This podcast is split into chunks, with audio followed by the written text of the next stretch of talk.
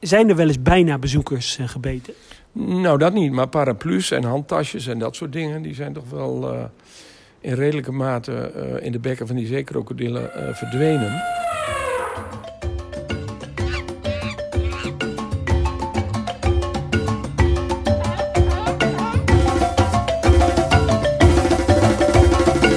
Nou, we staan hier in het oude krokodillenverblijf ja. met Henk Hiddink. Wat, uh, wat roept dit voor herinneringen op? Nou, ja, heel veel natuurlijk. Maar toch vooral die krokodillen. En, uh, en, en, en met name de, uh, de zeekrokodillen die aan die kant zaten. die uiteindelijk zo groot werden en zo hoog konden springen... dat het hier niet langer verantwoord was om ze te houden. dus toen, toen zijn de panzerkrokodillen die hierachter zaten... die zijn naar die kant verhuisd. Uh, en die, waren veel, die konden ook hoog springen, maar die waren veel rustiger. Die waren lang niet zo agressief. Dus toen was het wat relaxter. En, uh, ja, en dit was ook, uh, met name in de jaren tachtig, een geliefde partyruimte, zou ik maar zeggen. Dus er zijn hier heel wat borreltjes geschonken in die periode. En was dat personeelsborrel? Of, nee, nee, nee, dat deed de, de gerant van restaurant De Dromedaar. Als hij dan een, een partijtje had, zeg maar, dan voorafgaand aan het diner dan uh, kregen de gasten hier een uh, aperitiefje. En dat was natuurlijk buitengewoon spectaculair. Met die, uh, met die krokodillen erbij. En nou ja, die kregen dan wel eens een stukje kip of een visje of zo... om maar wat beweging te organiseren. Spektakel. Ik denk dat het een van de eerste overdekte tropische dierentuinlocaties was. Begin jaren tachtig ook. Ja, het is, ja, het is gebouwd in 79, 80. In die periode. En uh, nou ja, je had natuurlijk wel, laten we niet vergeten... Uh, met name uh, Blijdorp had natuurlijk wel zo'n zo'n Riviera-hal... Met, met daar de, de aanbouwen. En dat was natuurlijk al veel ouder. Hè. Dat is eigenlijk een, een, een klassieker, zou je kunnen zeggen. Maar in de sfeer van de, van de wat nieuwere dierentuinen... was dit wel een van de, van de eerste, ja zeker. Uh, als we kijken naar de architectuur, uh, wat Jaap Rensen volgens mij vooral uh, deed, dan als we dat kijken, dat kenmerkt zich met allemaal lange koepels. Ja, dit, dit is een principe dat is wel vaker toegepast, later ook op de vlindertuin. En nou ja, in wezen was het uitgangspunt van Rensen en met name ook van zijn rechterhand, was ook een architect, Piet Omen, was de hoofd van de technische dienst hier dat was uh, hoe kunnen we zo uh, pragmatisch mogelijk bouwen. Dus zoveel mogelijk bouwen voor zo min mogelijk geld. Um, en uh, ook niet voor de eeuwigheid. Hè, want zij realiseerden zich beide. We zijn er niet om monumenten neer te zetten. We zijn er om ehm, ja, zeg maar dienstbare gebouwen neer te zetten. Dus gebouwen die geheel ondergeschikt waren aan, aan de functie. En die functie was natuurlijk het huisvesten van dieren aan de ene kant... maar ook aan de andere kant het huisvesten van tentoonstellingen... En uh, ja, het, het, het uh, zeg maar op, de, op hun wenken bedienen van de bezoekers. Daar komt het eigenlijk op neer. Als we kijken in het hart van de Renses... dan hadden ze er bijvoorbeeld geen moeite mee gehad... Uh, stel, als zou het park nog bestaan hebben... om de vlindertuin te slopen en daar iets anders neer te zetten. Nee, ik denk, nee, nee, nee, dat had ze plezier gedaan. Ja, het was absoluut niet voor de eeuwigheid gebouwd... en ook helemaal niet met die intentie... Dus, dus in dat opzicht had uh, Jaap Rensen geen, geen, geen uh, architectonische pretenties, om het dan maar zo te zeggen. Die, uh, die, die stond op het standpunt dat je gebouwen eigenlijk niet zou moeten kunnen zien. Ja, vandaar ook veel ondergrondse gebouwen. Veel ondergronds, heel veel ondergronds. op een aantal punten ook fantastisch natuurlijk. later, maar goed, dat is een kwestie van voortschrijdend inzicht... werden al die ondergrondse gebouwen ook een, een, nou ja, op zijn Engels een pain in the ass... Uh, want vooral voor heel veel dieren was het, uh, was het toch geen ideale huisvesting. Zo bleek op den duur. Bijvoorbeeld de olifant. Olifanten was natuurlijk niet, uh, niet langer houdbaar. en ook bijvoorbeeld de bavianen was een situatie die, die niet langer houdbaar was. Maar goed, dan praat je wel over een inzicht wat in de loop van, van tientallen jaren is ontstaan. En wat er natuurlijk helemaal niet was op het moment dat die dingen ontworpen werden. Toen was het geweldig op het moment dat jullie het uh, olifantenverblijf ontwerpten, hebben jullie wel gedacht om een kasachtig binnenverblijf te maken? Ja, daar is wel aan gedacht. Alleen, ja, dat kwam daar op die locatie toch niet echt goed uit de, uit de verf. Het, was toch een kwestie van ruimtegebrek. Uiteindelijk is daar, uh, is daar om allerlei redenen is daarvan afgezien. Wat ik, wat ik zelf wel jammer vond, overigens hoor. Want ik denk, in elk dierverblijf dat daglicht een ontzettend belangrijke factor is. Laten we eens even naar het begin uh, lopen. volgens mij kwamen de bezoekers via die ingang daar verderop binnen. En daar zagen ze een situatie met vogels. Ja, als ze daar de kas in liepen, dan uh, liepen ze eigenlijk in een, uh, in een, in een, uh, gelijk binnen in een tropische wereld. Dus laat ik zo zeggen, als je een bril droeg, dan besloeg hij meteen. En daar liepen een aantal vogels, onder andere waatvogels, ehm, rallen, sporenkievieten, krokodilwachters. En er vloog van alles in de lucht, met name een aantal soorten glansspreeuwen. En achter ons een verblijf voor slangen. Ja, de rotspythons. In het begin was dat gewoon een heel kaal verblijf. Volgens de oude opvatting dat je zoiets met een hoge drukspuit moest kunnen schoonmaken.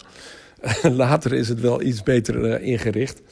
Maar het, het, uh, ja, goed, slangenverblijven, om die goed te maken, is een kunst op zich. Maar rotspythons zijn keiharde jongens, dus die hebben het hier jarenlang uitgehouden. En uh, dat rotswerk werd dan waarschijnlijk allemaal ontworpen door jullie huisarchitect Jan Kempen? Nee, in die tijd nog niet. Nee, ja, zoals die boom die hier nu in staat, die heeft Jan wel gemaakt, denk ik. Maar het werd aanvankelijk werd het, de inrichting vooral bedacht en gemaakt door in die tijd Kees van Dashorst en Frans Vrijmoed. Die twee die waren vooral bezig met, met inrichting. Jan Kemper was toen nog niet in beeld.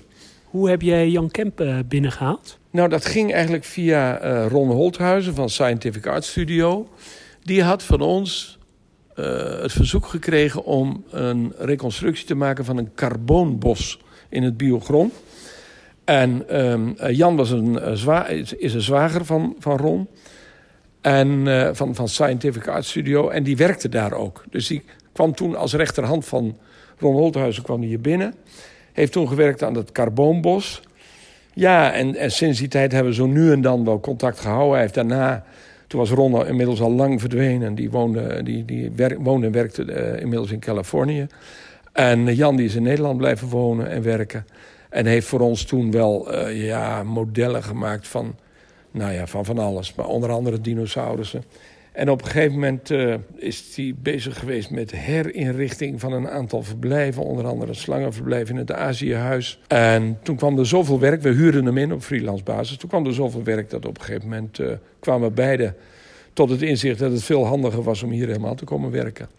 En voor die tijd best wel innovatief om een eigen art director uh, in dienst te nemen. Ja, dat denk ik wel. Want het werd veel al ingehuurd. Hè? En... Uh, met het gevolg dat je ook op heel veel plekken... Uh, en dat zeg ik niet om flauw te zijn, maar dit is wel een beetje zo... zeg je overal hetzelfde kunstje als het ware. Uh, en, uh, en, en met Jan had ik zoiets van... nou, daar hebben we een soort mogelijkheid om ook te ontwikkelen. Niet alleen die, die kunstrotsen als het ware te maken... maar ook om uh, alle mogelijke zaken... en dat ging, kwam steeds meer op de voorgrond... alle mogelijke zaken nieuw te ontwerpen. Dus ook om ja, laat ik zo zeggen, de broodnodige innovatie uh, in het geheel te houden. En natuurlijk ook gewoon een beetje met het oog op het nieuwe park. Dat, was, dat speelde in het achterhoofd een hele grote rol. Dat daar een enorme hoeveelheid werk zou, zou komen. En dat is ook gebleken, want Jan heeft daar jaren aan gewerkt. Als we ons omdraaien, dan, nou, dan kijken we recht tegen de brug aan... waar, waar de krokodillen zitten, zaten... Uh, je vertelde al, aan de rechterkant zaten oorspronkelijk uh, zeekrokodillen. Zijn er wel eens bijna bezoekers uh, gebeten? Nou, dat niet. Maar paraplu's en handtasjes en dat soort dingen... die zijn toch wel in redelijke mate in de bekken van die zeekrokodillen verdwenen. Ehm, want die lagen doodstil in het water. En, en dan dachten bezoekers, nou, die zijn niet echt, weet je. En dan, dan had je wel eens iemand die dacht... nou, dan zal ik eens even met de paraplu... voor zijn neus langs zwaaien. Nou, dan was het gebeurd met de paraplu natuurlijk. Hoe, hoe, deden jullie de verzorging van die levensgevaarlijke dieren? Hoe kon je het verblijf schoonmaken? Nou, dat was nog niet zo simpel. En dat werd op den duur ook lastiger. Naarmate ze groter werden, volwassener, meer uitgroeiden, werd het ook griezeliger. Uh, want daar aan de achterkant staat een hekje. En dat hekje dat is nou zo ongeveer een meter, denk ik.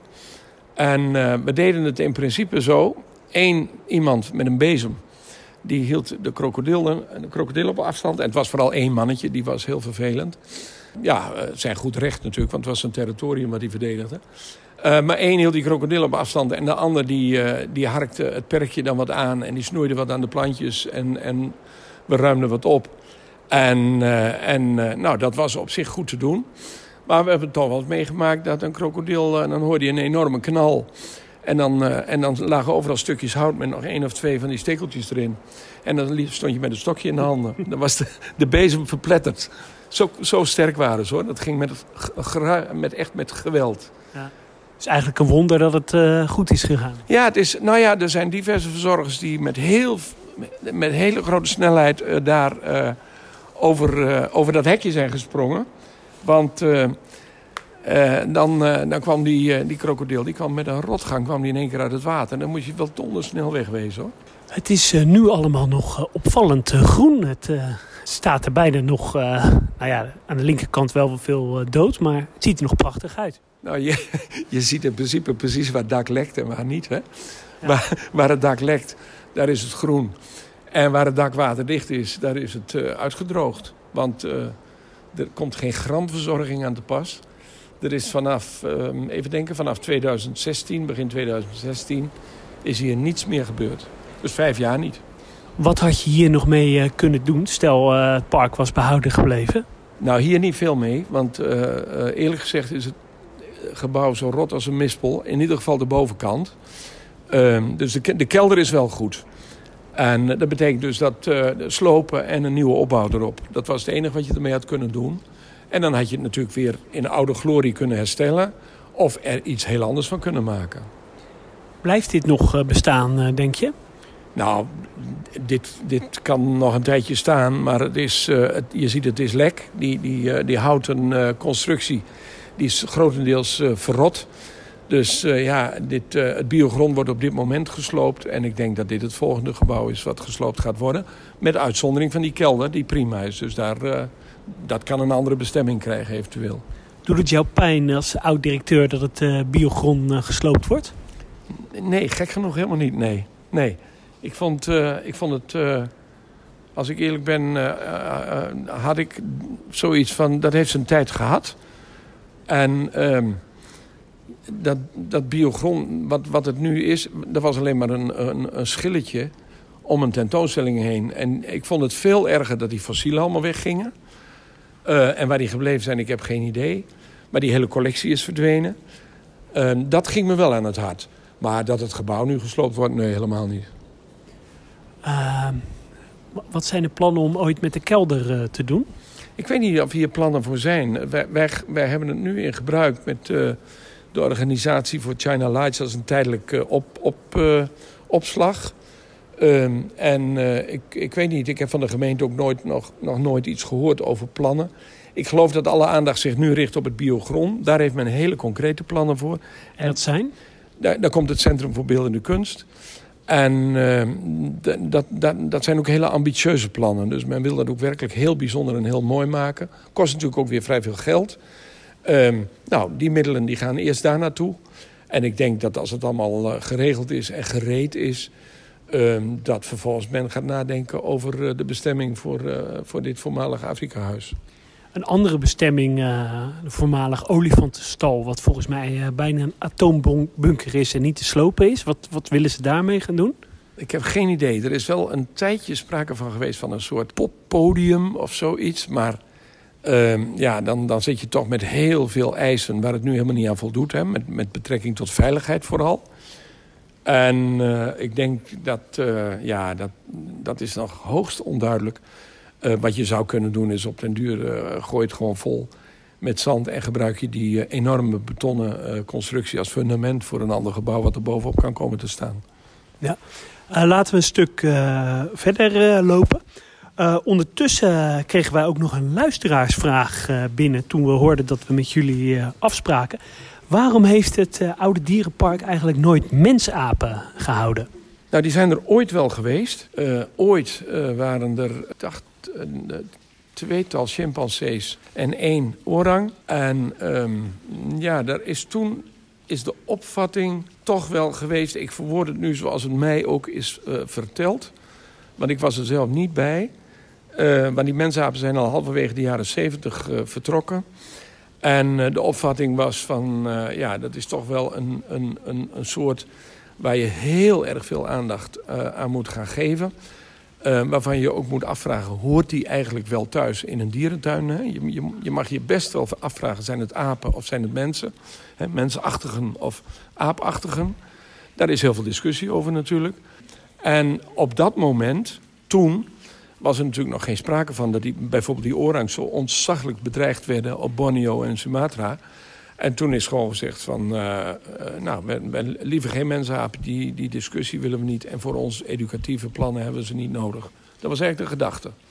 En toen, uh, nou ja, in de jaren negentig, werd je zelf directeur. Ooit overwogen? Um, wij hebben erover nagedacht... Uh, en uh, niet in dit park, want wij hadden een absolute opvatting dat je ze hier niet goed zou kunnen huisvesten. We hebben er wel over nagedacht in de, bij de ontwikkeling van het nieuwe park. Twee keer.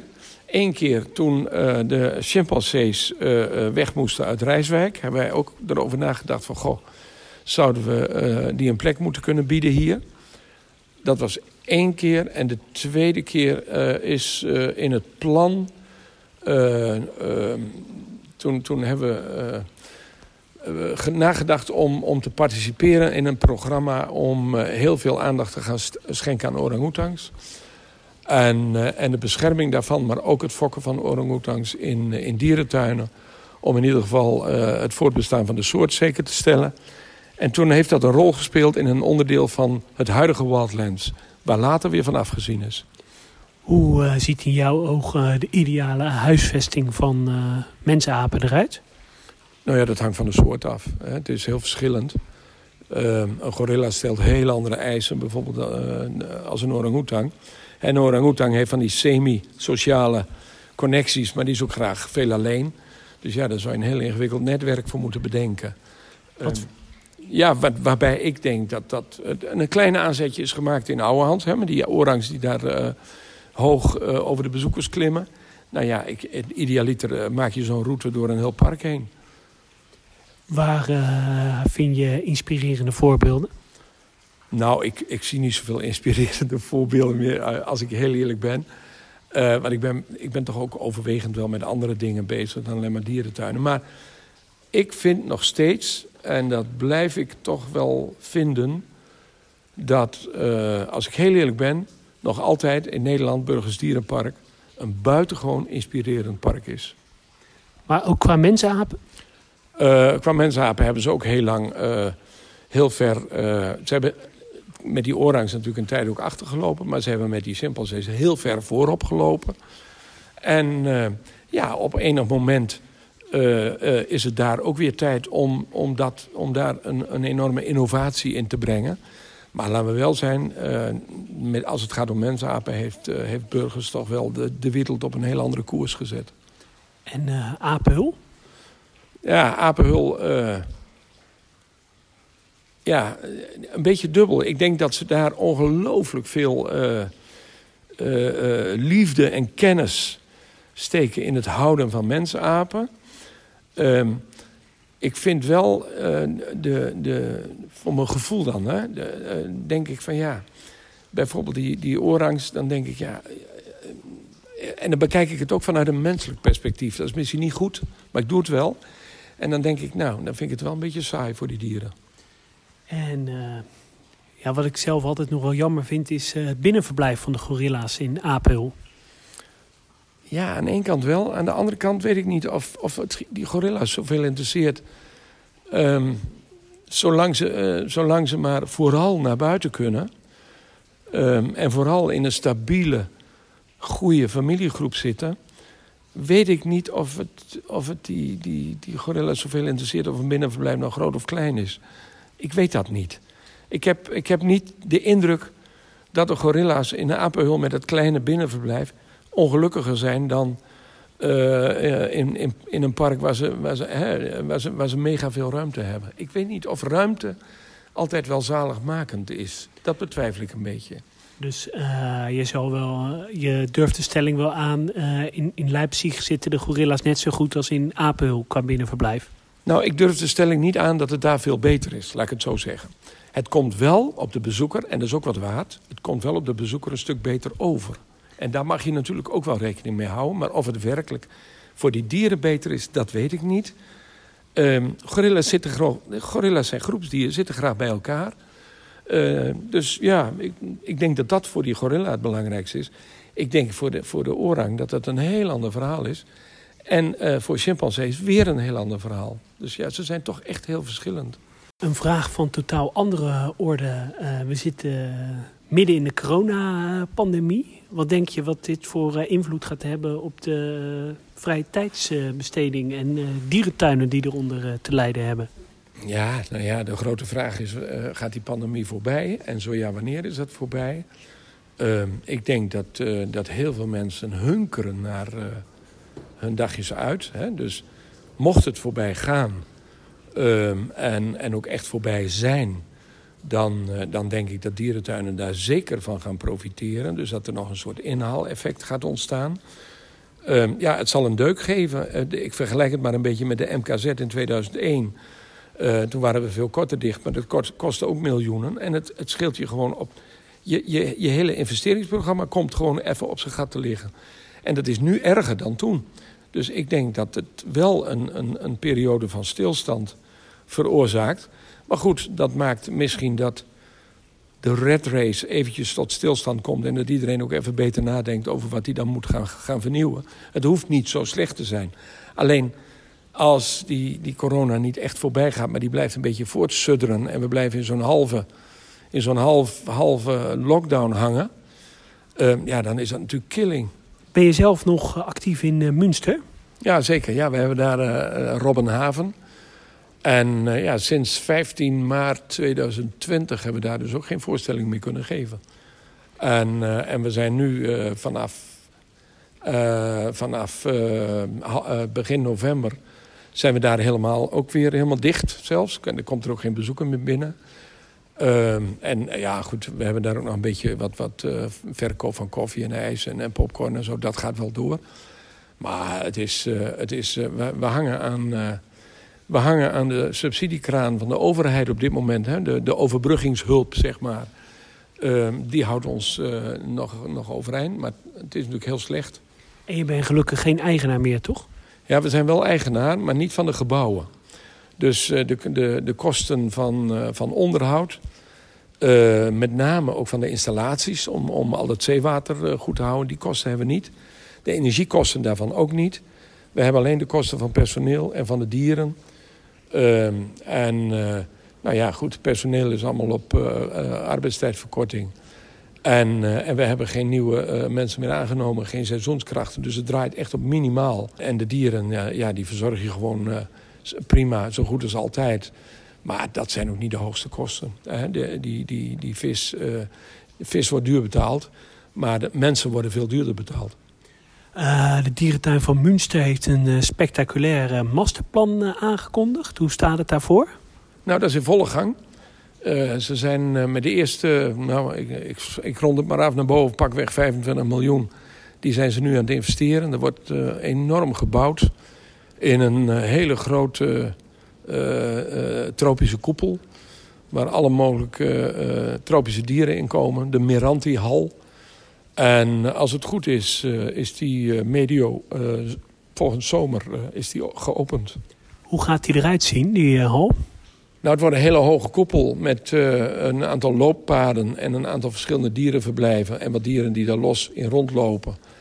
Ehm, ja, hoe gaat hij eruit zien? Ik, ik laat me graag verrassen. Ik moet het nog een beetje zien allemaal. Uh, als ik de Art Impressions uh, kijk, ziet het er allemaal wat steriel en biotoop, gecreëerde biotoopachtig uit en niet heel zwaar gethematiseerd. Ik denk niet dat het overgethematiseerd wordt. Ehm, ik hoop dat het niet te, ehm, ja, hoe zal ik het zeggen, te zwaar gaat leunen op, uh, op uh, de architectonische vorm en vooral ook op de techniek. Het wordt technisch een, een hoogstandje. Met helemaal energie-neutraal en, en dat soort zaken. Er is allemaal geweldig over nagedacht. Maar ehm, ik, ik denk wel dat de techniek erg zwaar weegt. En de vormgeving ook erg zwaar weegt. En dat gaat soms wel een beetje ten koste van de, eh, van de natuurbeleving. Dus dat moet ik nog een beetje, een beetje zien of dat in goede balans komt uiteindelijk. Wat wordt de volgende stap in het masterplan? Dat weet ik niet. Uh, er, zijn, er zijn verschillende onderdelen.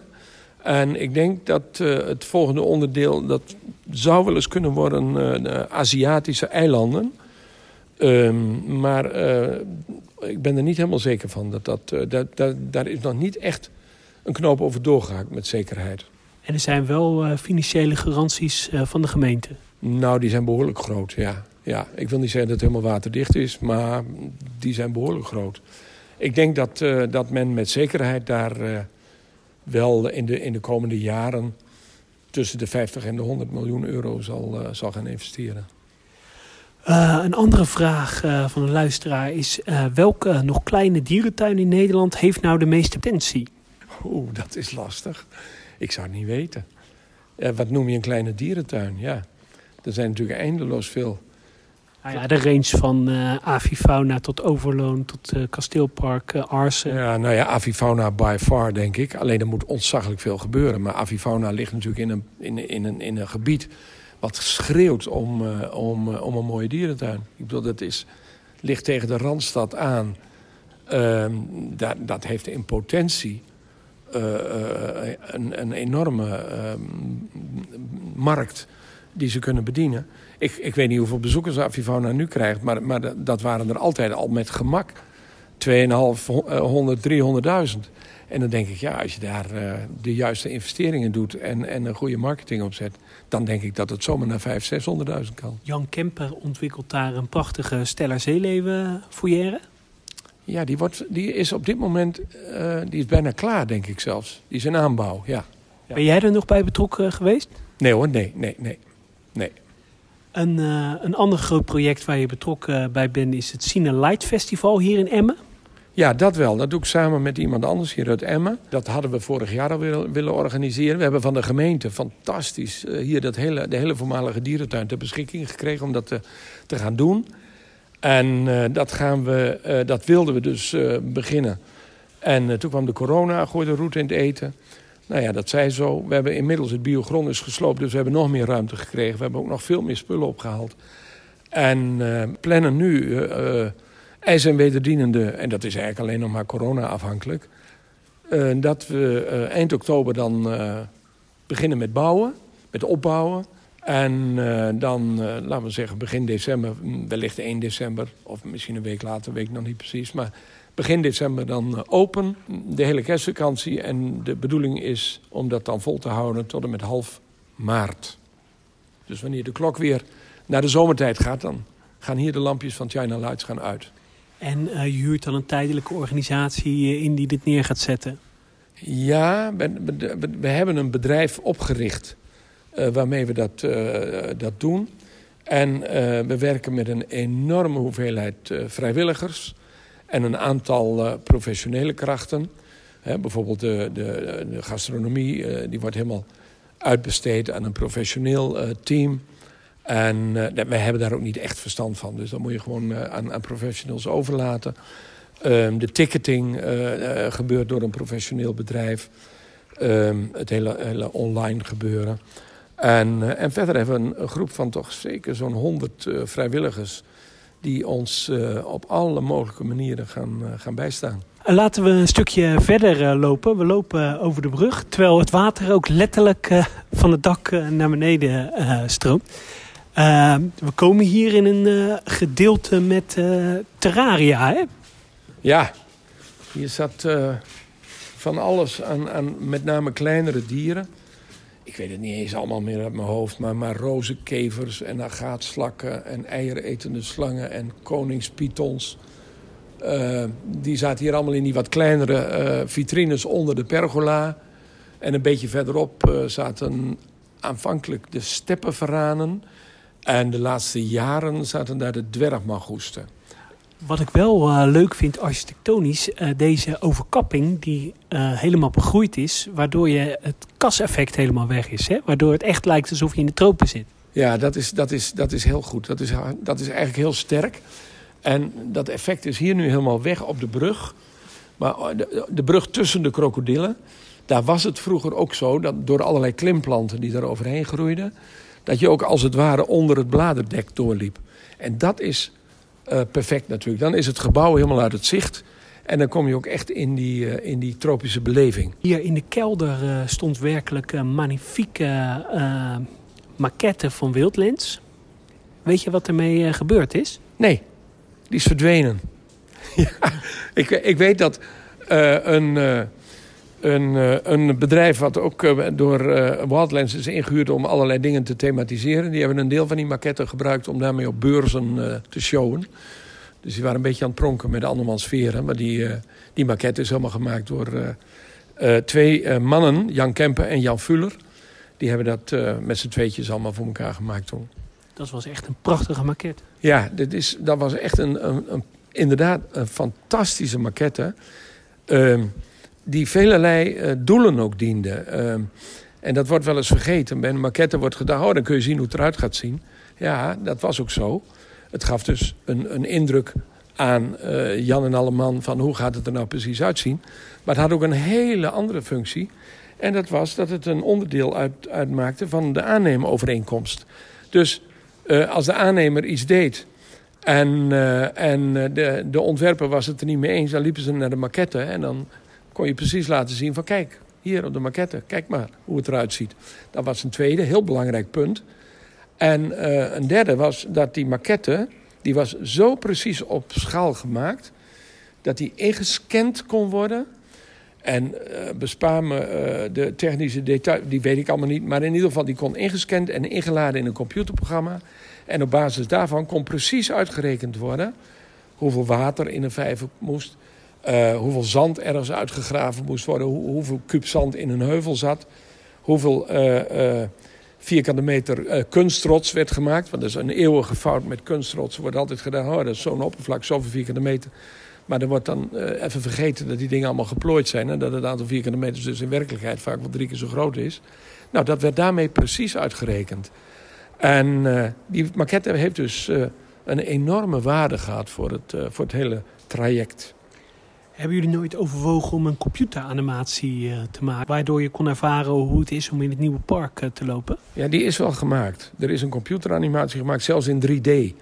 Dus uh, dan kon je met een brilletje op kon je, in, in drie dimensies door het park heen. Maar dat was het eerste ontwerp.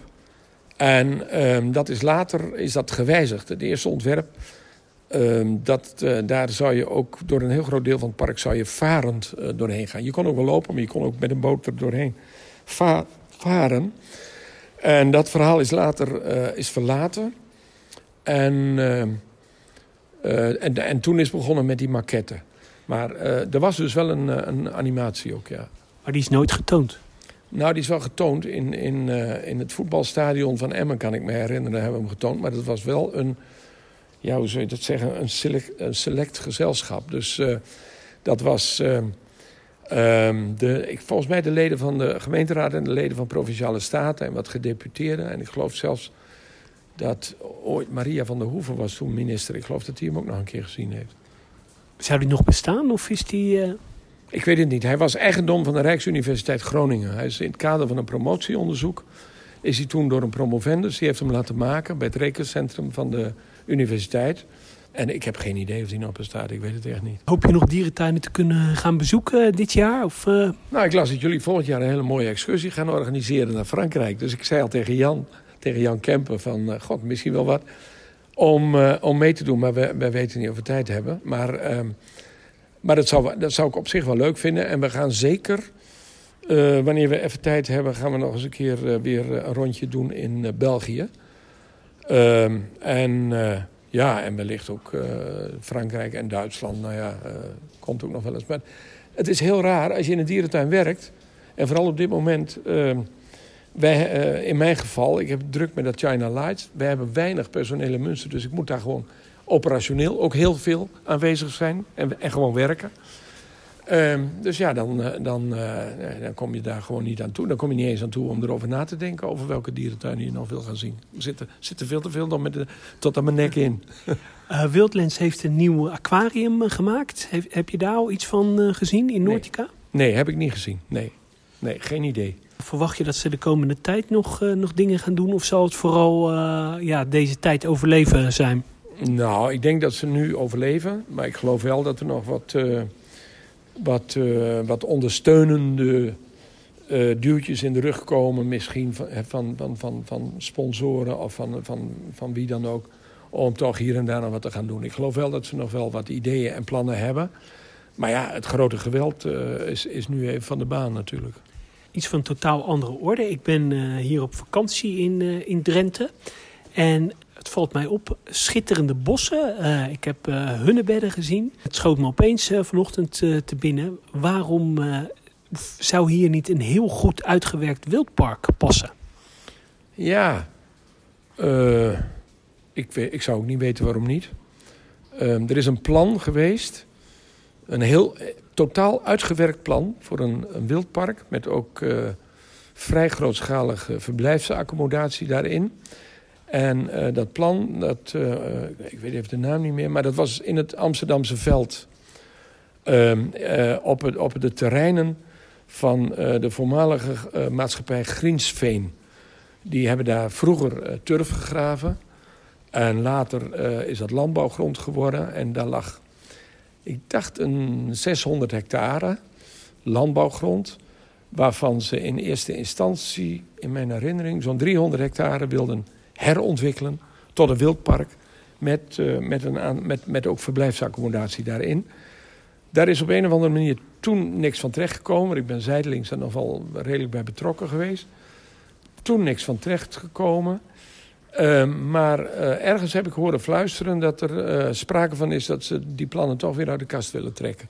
Dus het zou wel eens kunnen zijn dat in de zuidoosthoek van Drenthe er nog wel zoiets gaat, eh, gaat komen. En het zal dan ontwikkeld worden door voormalig Zodiac Soes? Nee, dat denk ik niet. Die zijn wel bezig geweest ooit, ja, dat, is, dat zijn dan mijn woorden, maar met een flutplan in uh, Gasselte, Gasselteveld. Maar dat was, ja, dat was een beetje dezelfde fantasie als, als in, in, in uh, hoe heet het dat daar, Lochem. En zo zijn er wel meer luchtballonnen opgelaten waarvan ik denk, die, die zijn niet echt serieus. Maar daar in de Zuidoosthoek, Amsterdamse veld, dat, is een zeer, dat was een zeer doortimmerd plan... En, uh, en, en, en als je het nu weer zou doen, we zijn nu 20 jaar verder, dan ga je dat natuurlijk wel aanpassen. Of 15 jaar verder. Maar uh, de, ik, ik, ik zie daar wel goede mogelijkheden. Ja, want ik, ik zit in Exlo, uh, daar heb je een prachtig landalpark. Echt ja. de, de, het wat hogere segment. Ja. ja. daar kan je ook wel veel geld vragen voor zulke accommodaties. Ja, dat, dat, zou, best, dat zou best kunnen. Um, en ik denk ook, want er zit nu al een, een, er zit al een vrij aardig hotel met een uh, golfbaan uh, in hetzelfde gebied. Dus het zit al in een, uh, in een ja, laat maar zeggen, een wat upscale richting. En ik denk dat een heel mooi, heel bijzonder wildpark met hele goede verblijfsaccommodatie. Maar ook hele goede programma's. Want je, je moet natuurlijk niet. Kijk, je kunt wel tussen, tussen de wilde dieren zitten, maar er moet wel wat gebeuren. Uh, je wil wel met de boswachter op pad, bij wijze van spreken. Uh, met een heel goed programma, dan denk ik dat daar zeker een, uh, een, markt voor is. En ik kan me dat, maar dat zijn mijn dromen dan. Hè, en ik ga daar zelf persoonlijk absoluut niet achteraan. Dat zeg ik er meteen bij. Ik kan me heel goed voorstellen dat, dat zoiets in samenhang en in samenspraak en in samenwerking zelfs met Wildlands uh, op den duur heel goed zou kunnen. als je daar echt een goede uh, partij voor hebt die verstand heeft van verblijfsaccommodatie. En, en die dat ook ziet zitten om, om, om iets met natuur en, en, en, en vooral ook met, met, met dieren te doen. Nou, dan, dan kan dat zeker. En denk erom, voor de Duitse markt is ook heel interessant. Hè? In jouw tijd in Dierenpark Emmen hebben jullie die betrokkenheid nooit gehad hè? Met, om, het, om een natuurpark te creëren? Nee, nou, dat, dat, dit park, dat was dus nog in mijn tijd. Toen was ik hier directeur en, en dus dat, dat initiatief, daar ben ik toen wel zijdelings bij betrokken geweest. Eigenlijk was ik ook initiatiefnemer toen, uh, maar meer alleen maar op het vlak van het idee. En toen zijn anderen ermee aan het werk gegaan om het verder uit te werken. De gedachte was toen wel om tot een samenwerking te komen. Een andere initiatief wat ooit heeft gespeeld hier, um, dat was... Um, uh, toen was ik net directeur. in, in puh, ik weet niet meer wanneer, maar dat is 98 of zo, denk ik. Ehm, toen heb ik samen met Bert de Boer toen zitten filosoferen over een nieuwe dierentuin in Kerkrade. Daar zijn toen ook wel verregaande gesprekken over geweest. En uiteindelijk heeft uh, Bert de Boer met de Apenhul dat, uh, dat vlot getrokken en Emmen niet. Dus uh, er waren hier toen partijen die zagen dat niet zitten. En misschien wel terecht hoor, daar gaat het niet om. Emmen is toen afgehaakt. En dat zouden jullie dan samen met Apenhul gaan exploiteren? Dat was de gedachte, ja. Nou, in ieder geval om het samen met Apenhul te ontwikkelen. En, en dan zet je daar natuurlijk weer een aparte exploitatie op, ja. Heeft dat zelfs tot concrete plannen en tekeningen geleid? Nee, het heeft wel geleid tot bezoeken aan kerkraden en gesprekken met het toenmalige gemeentebestuur daar. En we zijn ook wel eens afgereisd van hier vanuit Emmen in een busje met, alle, met de raad van commissarissen en de aandeelhouders.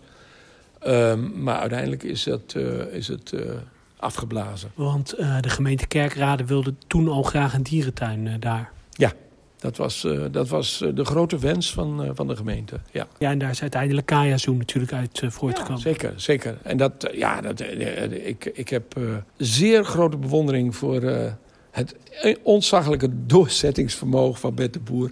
die die kar echt heeft getrokken in de tijd. Oké, okay, heel erg bedankt voor je tijd en succes met het Sign Light Festival. Ik denk dat we te zijn tijd nog wat terugkomen. Ja, daar gaan we een geweldig spektakel van maken. Daar ben ik van overtuigd.